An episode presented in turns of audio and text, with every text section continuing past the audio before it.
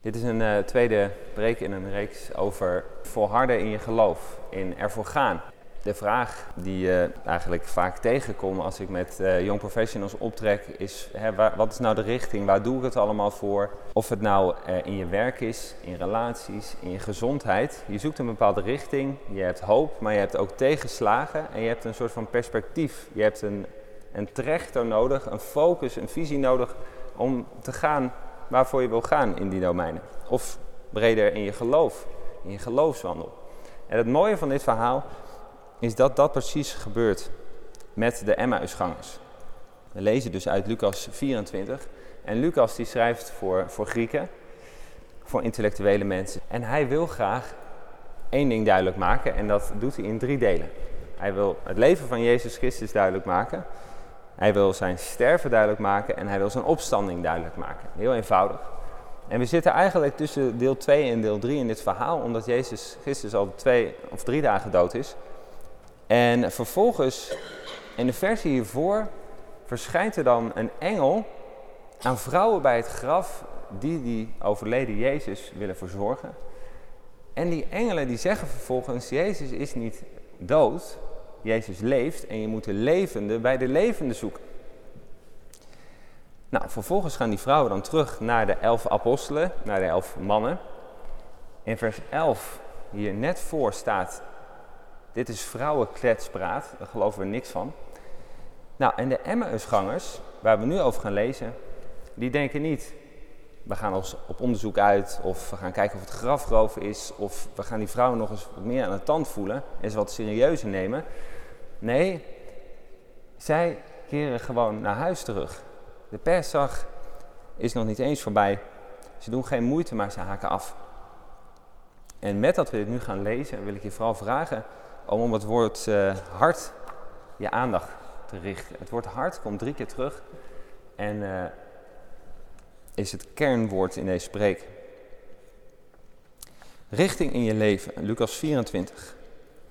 En zie, twee van hen gingen op diezelfde dag naar een dorp dat 60 stadium van Jeruzalem verwijderd was en waarvan de naam Emmaus was. En ze spraken met elkaar over al deze dingen die gebeurd waren. En het gebeurde dat terwijl ze met elkaar spraken en van gedachten wisselden, dat Jezus zelf bij hen kwam lopen en met hen meeliep. Maar hun ogen werden gesloten gehouden, opdat zij hem niet herkenden. En hij zei tegen hen, wat zijn dit voor gesprekken die u al lopend met elkaar voert? En waarom ziet u er zo bedroefd uit? En de een, van wie de naam Cleopas was, antwoordde en zei tegen hem: Bent u als enige een vreemdeling in Jeruzalem dat u niet weet welke dingen daar in deze dagen gebeurd zijn? En hij zei tegen hem: Welke dan? En zij zei tegen hem de dingen met betrekking tot Jezus de Nazarener, die een profeet was, machtig in werken en woorden voor God en heel het volk. En hoe onze overpriesters en leiders hem overgeleverd hebben om hem ter dood te veroordelen en hem te gekruisigd hebben. En wij hoopten dat hij het was die Israël zou verlossen. Maar al met al is het vandaag de derde dag sinds deze dingen gebeurd zijn. Maar ook hebben sommige vrouwen uit ons midden, die vroeger in de morgen bij het graf geweest zijn, ons versteld staan. En toen zij zijn lichaam niet vonden, kwamen ze zeggen dat ze zelfs een verschijning van engelen hadden gezien. Die zeiden dat hij leeft. En sommigen van hen die bij ons waren, gingen naar het graf en troffen het ook zo aan als de vrouw gezegd hadden, maar hem zagen ze niet. En hij zei tegen hen, o onverstandige en trage van hart, dat u niet gelooft al wat de profeten gesproken hebben. Moest de Christus dit niet lijden en zo in zijn heerlijkheid ingaan? En hij begon bij Mozes en al de profeten en legde hen uit wat in al de schriften over hem geschreven was. En zij kwamen dicht bij het dorp waar ze naartoe gingen en hij deed alsof. Hij deed alsof hij verder zou gaan. En zij drongen er bij hem op aan en zeiden: Blijf bij ons, want het is tegen de avond en de dag is gedaald. En hij ging naar binnen om bij hen te blijven. En het gebeurde dat toen hij met hen aan tafel aanlag, dat hij het brood nam en het zegende. En toen hij het gebroken had, gaf hij het aan hen. En hun ogen werden geopend en zij herkenden hem. Maar hij verdween uit hun gezicht en zij zeiden tegen elkaar: Was ons hart niet brandend in ons toen hij onderweg tot ons sprak en voor ons de schrift opende? En op datzelfde moment stonden zij op, keerden terug naar Jeruzalem, vonden de elf discipelen en die bij hen waren bijeen. Die zeiden, de Heer is werkelijk opgewekt, is aan Simon verschenen. En zij vertelden wat onderweg gebeurd was en hoe hij door hen herkend was bij het breken van het brood. Het woord hart, je hart, het hart is de kern van dit verhaal. Dus ik heb de preek in drieën geknipt. We kijken eerst naar de context en naar het hart van deze Emmausgangers. Wat gebeurde er? Wat ging er in hun hart om? Daarna kijken we naar het hart van Jezus zelf. Dat is de kern van de preek. En daarna kijken we naar jou en mijn hart, naar de toepassing. Dus om te beginnen het hart van de Emmausgangers. En ik loop de versen eigenlijk een beetje door. In vers 13 tot en met 15 lezen we dat er twee mannen zo'n 2,5 uur onderweg zijn van Jeruzalem naar Emmaus. En we lezen dat hun hart bekoeld is, dat ze cynisch zijn, teleurgesteld. En in plaats dat ze daar in Jeruzalem met die 70 blijven, die geloofsgemeenschap, of je moet eigenlijk zeggen de ongeloofsgemeenschap, in plaats dat ze in die community blijven, druipen ze af, gaan ze naar Emmaus. En als je dan bedenkt dat ze uit Emmaus gekomen waren dagen daarvoor om het Pesach te vieren, dat de Pesach, de ongezuurde broden, dat het nog niet voorbij was, valt het eigenlijk des te meer op dat ze nog helemaal niet klaar waren daar zo. En toch gaan ze weg. En in vers 14 lezen we dan dat ze in gesprek zijn met elkaar. En in het Grieks staat in vers 15 dat dat gesprek een dispuut werd. Dat een meningsverschil een ruzie werd. Dus hadden ze al een somber hart, nu wordt dat sombere hart een toornig hart. Vervolgens in vers 16 tot en met 21 verschijnt Jezus Christus zelf in gedaante aan hen. Ik wou het net niet te groot maken, maar toen ik het aan de kinderen net vertelde, dacht ik van, hoe graag zou ik dat willen? Jezus Christus met je eigen ogen zien. Want Jezus had dezelfde gedaante, dezelfde handen, hetzelfde gezicht. En toch herkennen ze hem niet. En we lezen dat dat is in vers 16, omdat hun ogen werden toegesloten. Nou, als Lucas het over hun ogen die gesloten zijn heeft, dan betekent niet dat ze vanaf dat moment met een eh, blinde geleider naar huis liepen. Het ging natuurlijk om de ogen van hun hart. Ze konden niet bevatten, begrijpen. Hè, je hart als de plek van de basis van alles waarin je gelooft, was dichtgegaan. Het was een gepasseerd station. Het komt niet eens meer in je op dat het wellicht Jezus zou kunnen zijn. En in datzelfde stukje, als we dus inzoomen op dat hart van die Emmausgangers, komt Jezus dus op hen afgelopen, staat er heel mooi. Hij, hij loopt naar hen toe en loopt vervolgens met hen mee, stelt hen een vraag. En Cleopas, die is behoorlijk ruw, als je het in de grondtekst leest, zegt zo'n beetje lomp van, hoezo, waarom begrijp je dat niet? Het is toch belachelijk? Iedereen weet wat er is gebeurd. En als hij dan aan Jezus uitlegt wat er is gebeurd, dan noemt hij om te beginnen Jezus profeet. Hij zegt Jezus van Nazareth. En dan heeft hij ongetwijfeld gedacht aan Jezus die in Nazareth was en daar de boekrol opende en de, daar Jezaja 61 vond en die profetie van Jezaja van eeuwen daarvoor op zichzelf betrekt en daar dan profeteert dat hij op aarde is gekomen om gevangenen te prediken loslating, om blinden het gezicht te geven, om het aangename jaar van de Heer te verkondigen, om bezeten mensen te bevrijden. Cleopas ziet Jezus als een profeet, maar hij noemt hem ook bevrijder hè, in vers 21. Jezus is een profeet en een bevrijder. En als eerste denk je dan, nou, bevrijder. Hè, we leven in een tijd waarin de Joden worden onderdrukt door de Romeinen. Dus Cleopas zal wel bedoelen dat hij hoopt dat Jezus hen zou bevrijden van, het, uh, van de onderdrukking. Ja, van, van het bezet zijn. Van onder het juk leven van de Romeinen. Maar het aparte is dat hier voor uh, bevrijding het woord loskoop wordt gebruikt. Wat gaat er om in Cleopas als hij het woord loskoop gebruikt? Waarom zou Cleopas het erover hebben dat, er, dat hij zich een krijgsgevangene voelt. Het is een term die gaat over het loskopen van een slaaf. Over het in krijgsgevangenschap zijn. Nou, daar was niet sprake van in die tijd. Dus mijn uitleg daarvan is dat hij niet zozeer bedoelt dat hij hoopt dat Jezus hem zou bevrijden van een of andere externe onderdrukkende macht. Maar dat hij eigenlijk zegt, ik hoop dat Jezus mij van mijn innerlijke slavernij zou bevrijden. Van de innerlijke slavernij die ik ervaar. En dat maakt dat woord dus een heel existentieel woord. Een woord dat over je innerlijke leven gaat, over je hart. Over die dingen waarvan je niemand vertelt dat je ze doet. En waarvan je hoopt dat als Jezus zou bestaan en als je in Hem zou geloven, dat Hij er echt vrij van zou kunnen maken. Die dingen die je doet, die je zelfs aan je partner of je beste, dingen, eh, beste vrienden niet eens vertelt. Die dingen die je in je gebed niet noemt, omdat je niet zou willen dat God zou weten dat je ze denkt, dat je ze doet, dat je ze hebt gedaan.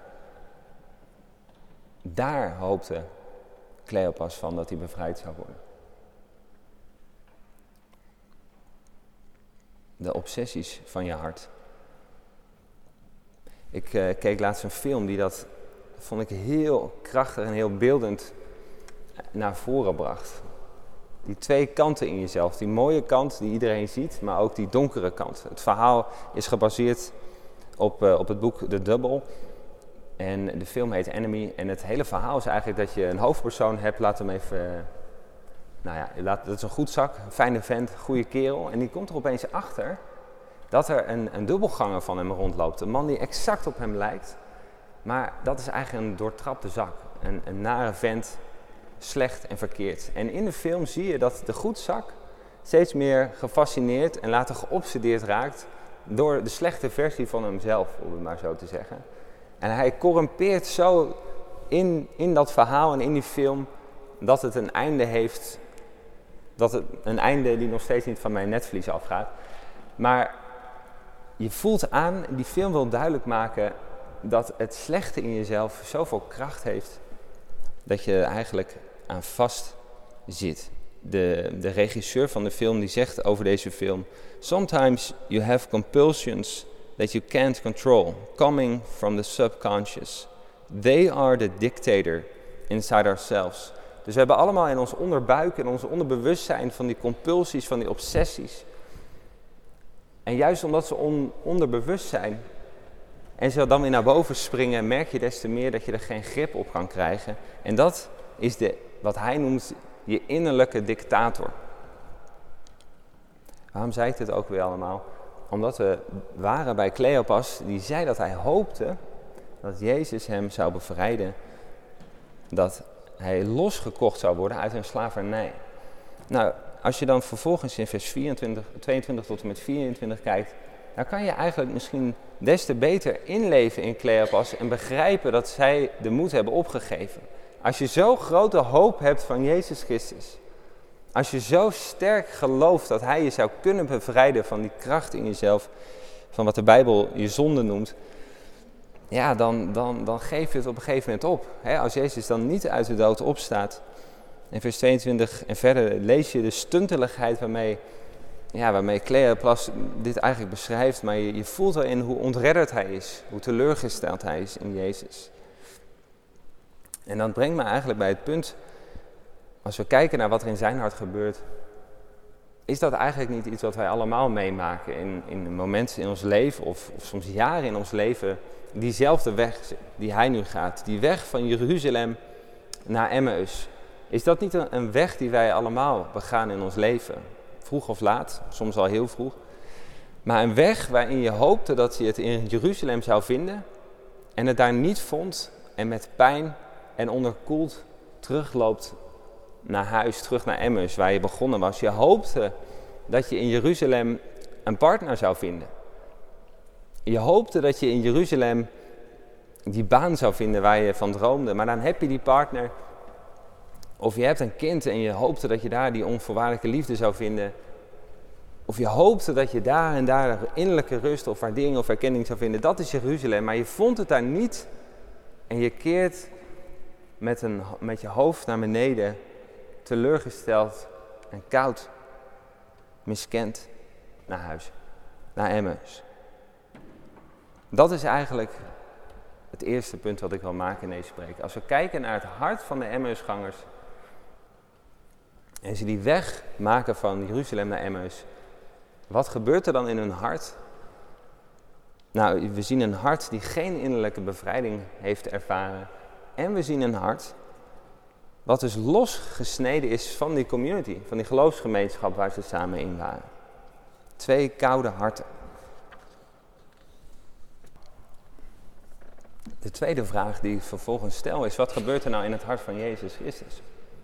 Zo vaak als je Bijbelvader leest, dan, dan is Jezus opeens met een uitspraak en dan denk je, wat bedoelt hij nou eigenlijk? Maar wat, wat doet hij hier? Meer nog, wat gebeurt er in hem? Wat drijft hem? Als eerste zie ik een empathisch hart. Als eerste zie ik het empathische, het bewogen hart van Jezus Christus. Het valt me namelijk op dat hij in vers 13 tot en met 24 twee keer een vraag stelt. Nou, als we even naar de theologie kijken van Lucas, even bedenken wie Jezus is, dan is Jezus het eeuwige woord, de zoon van God, die voor de tijd en eeuwigheid bestond, die incarneert, dus vlees wordt, een babytje wordt, Jezus wordt een mensje. Hij sterft, hij staat op uit de dood. Jezus is God. Jezus hoeft niet te vragen, jongens, wat is er aan de hand? Jezus heeft het helemaal niet nodig om van jou te horen hoe het met jou gaat. Hij weet dat al lang. Is dat niet ook soms het gevoel wat we hebben als we bidden? Waar moet ik nog aan God gaan uitleggen hoe het met me gaat? Of uitleggen hoe het met, uh, met, mijn, met mijn buurman gaat? Hij weet dat toch allemaal. Wat heeft het voor zin? Nou, de zin die het heeft, wat ik hier zie, is in Jezus Christus die wil weten wat er in jouw hart afspeelt en het jou daarom persoonlijk vraagt. Hij wil uit jouw mond horen, met jouw woorden, jouw stem. Dat noem ik bewogenheid. Jezus is empathisch, hij heeft een luisterend oor. In vers 17 en vers 19, hij vraagt dat nog een keer, want hij wil echt weten wat er bij Cleopas en zijn mede-Belgim leeft. En waarom, waarom denk ik dat dat empathie is? Nou, dat denk ik omdat Jezus precies op het moment van vers 14, waar nog een meningsverschil is, en vers 15, waar dat een ruzie wordt, waar het laatste stukje gemeenschap en verbondenheid en bewogenheid er nog is en dreigt opgeblazen te worden, hij precies op dat moment in het gesprek binnenkomt lopen. Jezus is empathisch en bewogen, ook als Cleopas hem eigenlijk een beetje afsnauwt. Als Cleopas het verhaal eigenlijk iets mooier maakt dan het is. Als Cleopas helemaal niet eerlijk is, dat hij vrouwenvriendelijk is en die vrouwen gewoon niet op hun woord gelooft. Jezus blijft vriendelijk als Cleopas zich niet herinnert dat Jezus al drie keer had verteld dat hij uit de dood zou opstaan. Jezus kan heel goed luisteren naar de beleidenis van ongeloof die Cleopas hier doet. Daarom, daarom wordt Jezus een medepelgrim. Daarom komt Jezus bij die mannen en wil ze terughalen omdat hij de gemeenschap wil herstellen. Hij wil alles op alles zetten om die community te herstellen. En hij wordt eigenlijk een soort van stille getuige. Hij loopt met ze mee, hij stelt ze vragen, hij is biddend aanwezig in hun leven. Dat is het empathische hart van Jezus. En, en een voorbeeld waar ik gelijk aan moest denken is een, eh, vriendin van mij die uh, haar baan verloor. Die er helemaal doorheen zat, omdat ze totaal niet begreep wat er met haar gebeurde. En vervolgens naar een retraite ging, een stilte retraite. Waar je op één vast moment van de dag tegenover twee uh, nou, gelovigen kwam te zitten. En het enige wat die twee mensen deden, die twee vrouwen, die, dat was haar vragen stellen. Dus geen adviezen geven, niet bidden uh, met bijbelteksten, wat allemaal goede dingen zijn in zichzelf. Hè? Maar het enige wat zij deden was vragen stellen aan die vriendin van mij. En het mooie was dat toen zij uit die retraite kwam, helemaal niks aan haar situatie was. Van, ze had niet opeens duidelijk uh, wat voor carrière switch ze moest maken of wat Gods bedoeling daar wellicht mee was. Maar wat wel was veranderd was haar hart. Hoe ze daarin stond. Het vertrouwen in God, in zichzelf en in de toekomst. En dat is wat hier gebeurt. Het empathische hart van Jezus. Nou, behalve het empathische hart van Jezus zie ik ook een vurig hart. Je kan zeggen, ja, lekker empathisch van Jezus. Maar als je in vers 25 leest, nou, vind ik nogal, uh, vind nogal, uh, vind nogal wat. Ik zou niet door Jezus zo behandeld willen worden. Jezus die schiet eigenlijk uit zijn slof in vers 25. Ik heb weinig momenten in mijn geloofsleven dat ik denk, nou, ik zou het leuk vinden om eens flink uh, de wind van voren te krijgen van Jezus. Is, is dit nou zo empathisch allemaal wat Jezus doet? Nou, als ik het over empathie heb, dan heb ik het ook daarnaast over het vurige hart van Jezus. En daar bedoel ik dit mee. Jezus in vers 25 tot en met 31 is inderdaad nogal opgewonden. En dat is hij omdat hij het zich enorm aan ergert dat die twee zo weinig met zijn onderwijs doen. we hebben net gehoord dat ze Jezus als een profeet beleiden. Cleopas ziet Jezus als een profeet. En Jezus die zegt vervolgens, doordat hij de Bijbel opent, wat, hoe zat het ook alweer met profeten in het Oude Testament? Was het niet zo dat profeten altijd weerstand ervaren? Dat profeten het vaak ook zelfs met de dood moeten bekopen? Jezus merkt dat zij aan Jezus een dood aanstoot nemen. Het kruis is een aanstoot voor hen geworden. Daar wint Jezus zich over op. Het tweede waar Jezus zich over opwindt en waar hij zo vurig over is, is dat ze hem een bevrijder hebben genoemd. Een bevrijder die je bevrijdt van die innerlijke dictator. Nou, Jezus die is net uit de dood opgestaan. Jezus die heeft die loskoop zelf verricht. Hij heeft zijn ziel gegeven.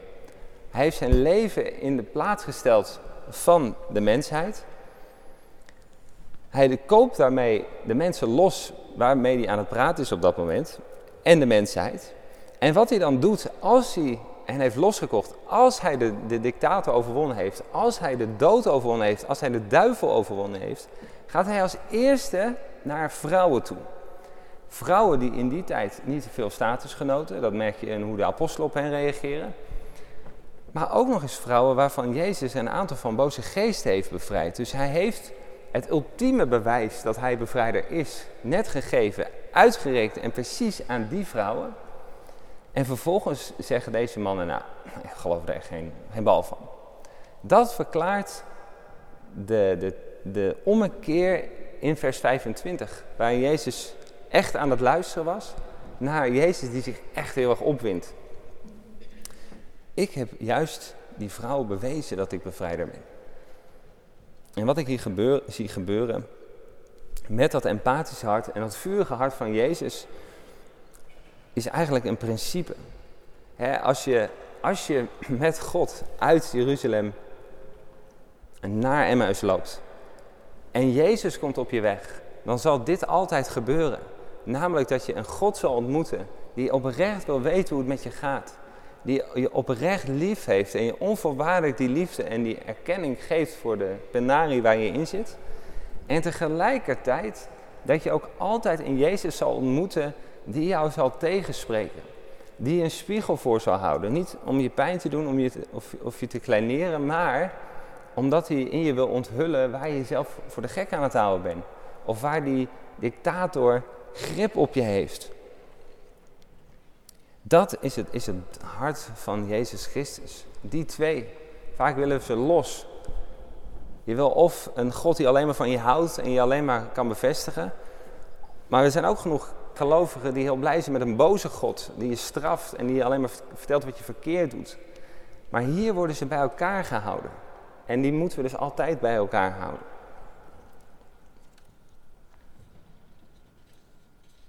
En dat brengt ons bij de toepassing. Wat doet dit met jou en mijn hart? We hebben gezien wat in het hart van de Emmausgangers gebeurt, wat in het hart van Jezus Christus, het hart van God zich afspeelt. Wat kan dit nou met jou en mijn hart doen? Nou, even kort. Hoe, voordat we gaan kijken hoe wij ons dit eigen kunnen maken, hoe maken de Emmausgangers zich dit eigen? Is het je ook opgevallen dat toen ik net dit gedeelte voorlas, in vers 32 dat ik las, Jezus deed alsof. Waarom doet Jezus alsof? Waarom doet Jezus alsof hij door, door gaat lopen? Waarom zou hij dat doen? Ik moet denken aan het verhaal van Jacob. Jacob die bij de Jabok rivier staat in Genesis 32. Zijn familie, zijn bezit, zijn status, zijn kracht, alles is over de rivier weg. En het enige wat nog over is, is zijn eigen zelf. En hij is doodsbang dat zijn broer over de rivier komt en hem om zeep helpt. En wat er dan gebeurt, is letterlijk hetzelfde wat hier staat. God komt ook op zijn weg. Maar wat doet Jacob? Gaat Jacob een dialoog, gaat hij een wandeling met God maken? Nee, Jacob die vecht met God. Die dwingt God, hij dwingt God dat hij hem zal zegenen. Hij probeert God naar zijn hand te zetten. Het is eigenlijk heel gek als je daarover nadenkt. Maar hij gaat het gevecht aan. En wat hier gebeurt met die Emmausgangers had heel anders kunnen aflopen. Als die Emmausgangers hadden gedacht, nou joh, goed, uh, we, we, weten niet wie deze man is. Ons hart brandt wel inmiddels, maar onze ogen zijn niet open. Geen idee wie dit is. Als hij verder moet, dan, uh, ja, dat moet maar. Het, uh, het heeft zo moeten zijn, hij moet weer verder. Nee, deze mannen, staat in het Grieks, dwingen Jezus om met hem binnen te komen. En dat is voor beide de gastvrijheid uit die tijd. Dat was omdat hun hart was gaan branden. Lees je in dit gedeelte, hun hart was gaan branden toen Jezus de schrift voor hen opende en met hen sprak. Hun hart was in vuur en vlam gezet. vervolgens dwingen ze Jezus met hem mee te gaan. En, en dan denk ik, wat ik net ook al zei, zou je Jezus niet met eigen ogen willen zien? Nou, er zijn een paar dingen aan vooraf gegaan. Jezus heeft hen die bevestigd. Jezus heeft hen ook echt tegengesproken. Hij heeft de Bijbel met hen geopend. Maar vervolgens klampen ze hem dan aan. Als dat hart in brand is gezet, ze klampen hem aan. Ze trekken hem, bij wijze van spreken, een huis binnen. En dan is het bij het avondmaal, dan is het bij het avondmaal dat die blinddoek af wordt gedaan en ze hem herkennen. Zo maken zij zich dit verhaal eigen. En dan is de vraag, hoe gaan wij dat doen? Hoe maken wij ons dit verhaal eigen? Hoe kan ons eigen hart en in brand komen te staan, maar ook geopend worden, de open ogen van ons hart? Nou, heel simpel eigenlijk. Ik zie drie dingen hierin terugkomen. De eerste is zoek gemeenschap. Zoek community. Zoek. Eigenlijk waren deze drie mannen op kring. Het waren drie mensen. Jezus zegt, waar drie mensen of twee in mijn naam samen zijn, daar ben ik. Ga met elkaar op kring. Dan zeg je, ja, maar op kring moet je, dat doe je eigenlijk veel te weinig met de Bijbel, want dan moet je altijd praten over hoe het met je gaat en zo. Ja, nou daar is kring dus uitermate geschikt voor. Dat je echt bent met elkaar. Zo echt als deze mensen hier. Kring is niet een plek voor gelovige mensen, maar ik zou eerder zeggen voor ongelovige mensen. In ieder geval een plek, ik prikkel natuurlijk een beetje, maar een plek waar je met je ongeloof terecht kan. Zoek community is mijn eerste punt. Of zoek, ga naar zo'n retraite. Je kan op, op, een kring gaan, maar je kan ook naar een retraite gaan, zoals ik die net beschreven. Ik ben zelf net in uh, Chemin Neuf geweest, Nieuwe Weg in het uh, Frans. Mooi klooster in, in Brabant waar je stilte retraites hebt. Maar zoek community. Zoek gemeenschap. Dat is de eerste. De tweede is zoek onderwijs. Dat is voor alle mensen die zeggen, ja, maar op kring kan ik niet eens goed de Bijbel lezen. Ik vind trouwens wel dat je op kring goed de Bijbel kan lezen. Maar als je echt goed onderwijs wil, je doet jezelf tekort als je alleen op zondag een preek hoort. Echt. De hele week door horen wij boodschappen over hoe je moet kleden, hoe je moet gedragen, over je identiteit. De hele dag door. Social media, Instagram, Facebook, allemaal prima dingen. Maar als je daar tegenover stelt dat je één keer in de week, misschien een half uurtje tot een uur, als je twee keer komt op zondag, een preek hoort, doe je jezelf tekort. Deze mensen die trekken drie jaar met Jezus op en hebben nog een hele wandeling nodig om te begrijpen waar het eigenlijk over gaat in de Bijbel. En ga, ga op een Bijbelklas. Doe mee met de Bijbelklas. Of uh, een, een, een, app bijvoorbeeld, hè? de Bible Project, misschien ken je dat in het Engels. Uh, het is heel geestig, maar ook heel diepgaand. Bidden onderweg. Eerst dit, vind ik ook een hele goede podcast. Maar zoek onderwijs. En dat is de tweede. Zoek gemeenschap, zoek onderwijs. En de derde is klamp dan ook Jezus Christus aan. Neem het risico en, en bid tot je een antwoord krijgt. Dat is wat hier gebeurt. Het is een risico, omdat je niet weet wat voor antwoord je krijgt en wanneer je het antwoord krijgt. Je kan heel erg teleurgesteld raken. Maar deze mensen, waar dat vlammetje is gaan branden, die, die wisten, we hebben nu een kans, of Jezus loopt door, of laat mij gaan voordat u mij zegent. Dat is de derde. Klamp Jezus aan. Ik heb beschreven hoe er mensen weglopen uit Jeruzalem, uit de geloofsgemeenschap, uit het, het brandende vuur wat daar nog was. En dat Jezus genadig is en op je weg komt en altijd als eerst en oprecht je wil laten voelen en wil laten weten dat Hij om je geeft. En je daarom de vraag stelt, hoe gaat het nou eigenlijk met je? Wat is er nou gebeurd? En dat Jezus tegelijkertijd iemand is die je ook durft tegen te spreken, zoals een echte vriend dat alleen kan. En je ook durft aan te wijzen wat er aan jouw kant niet goed is. Hoezeer je ook een slachtoffer bent. Nou, als, als, dat, als die twee ingrediënten in je leven aan het werk zijn, dan kan het niet anders dan dat er een vuurtje ontspringt. Dat het gaat prikkelen, dat het gaat branden.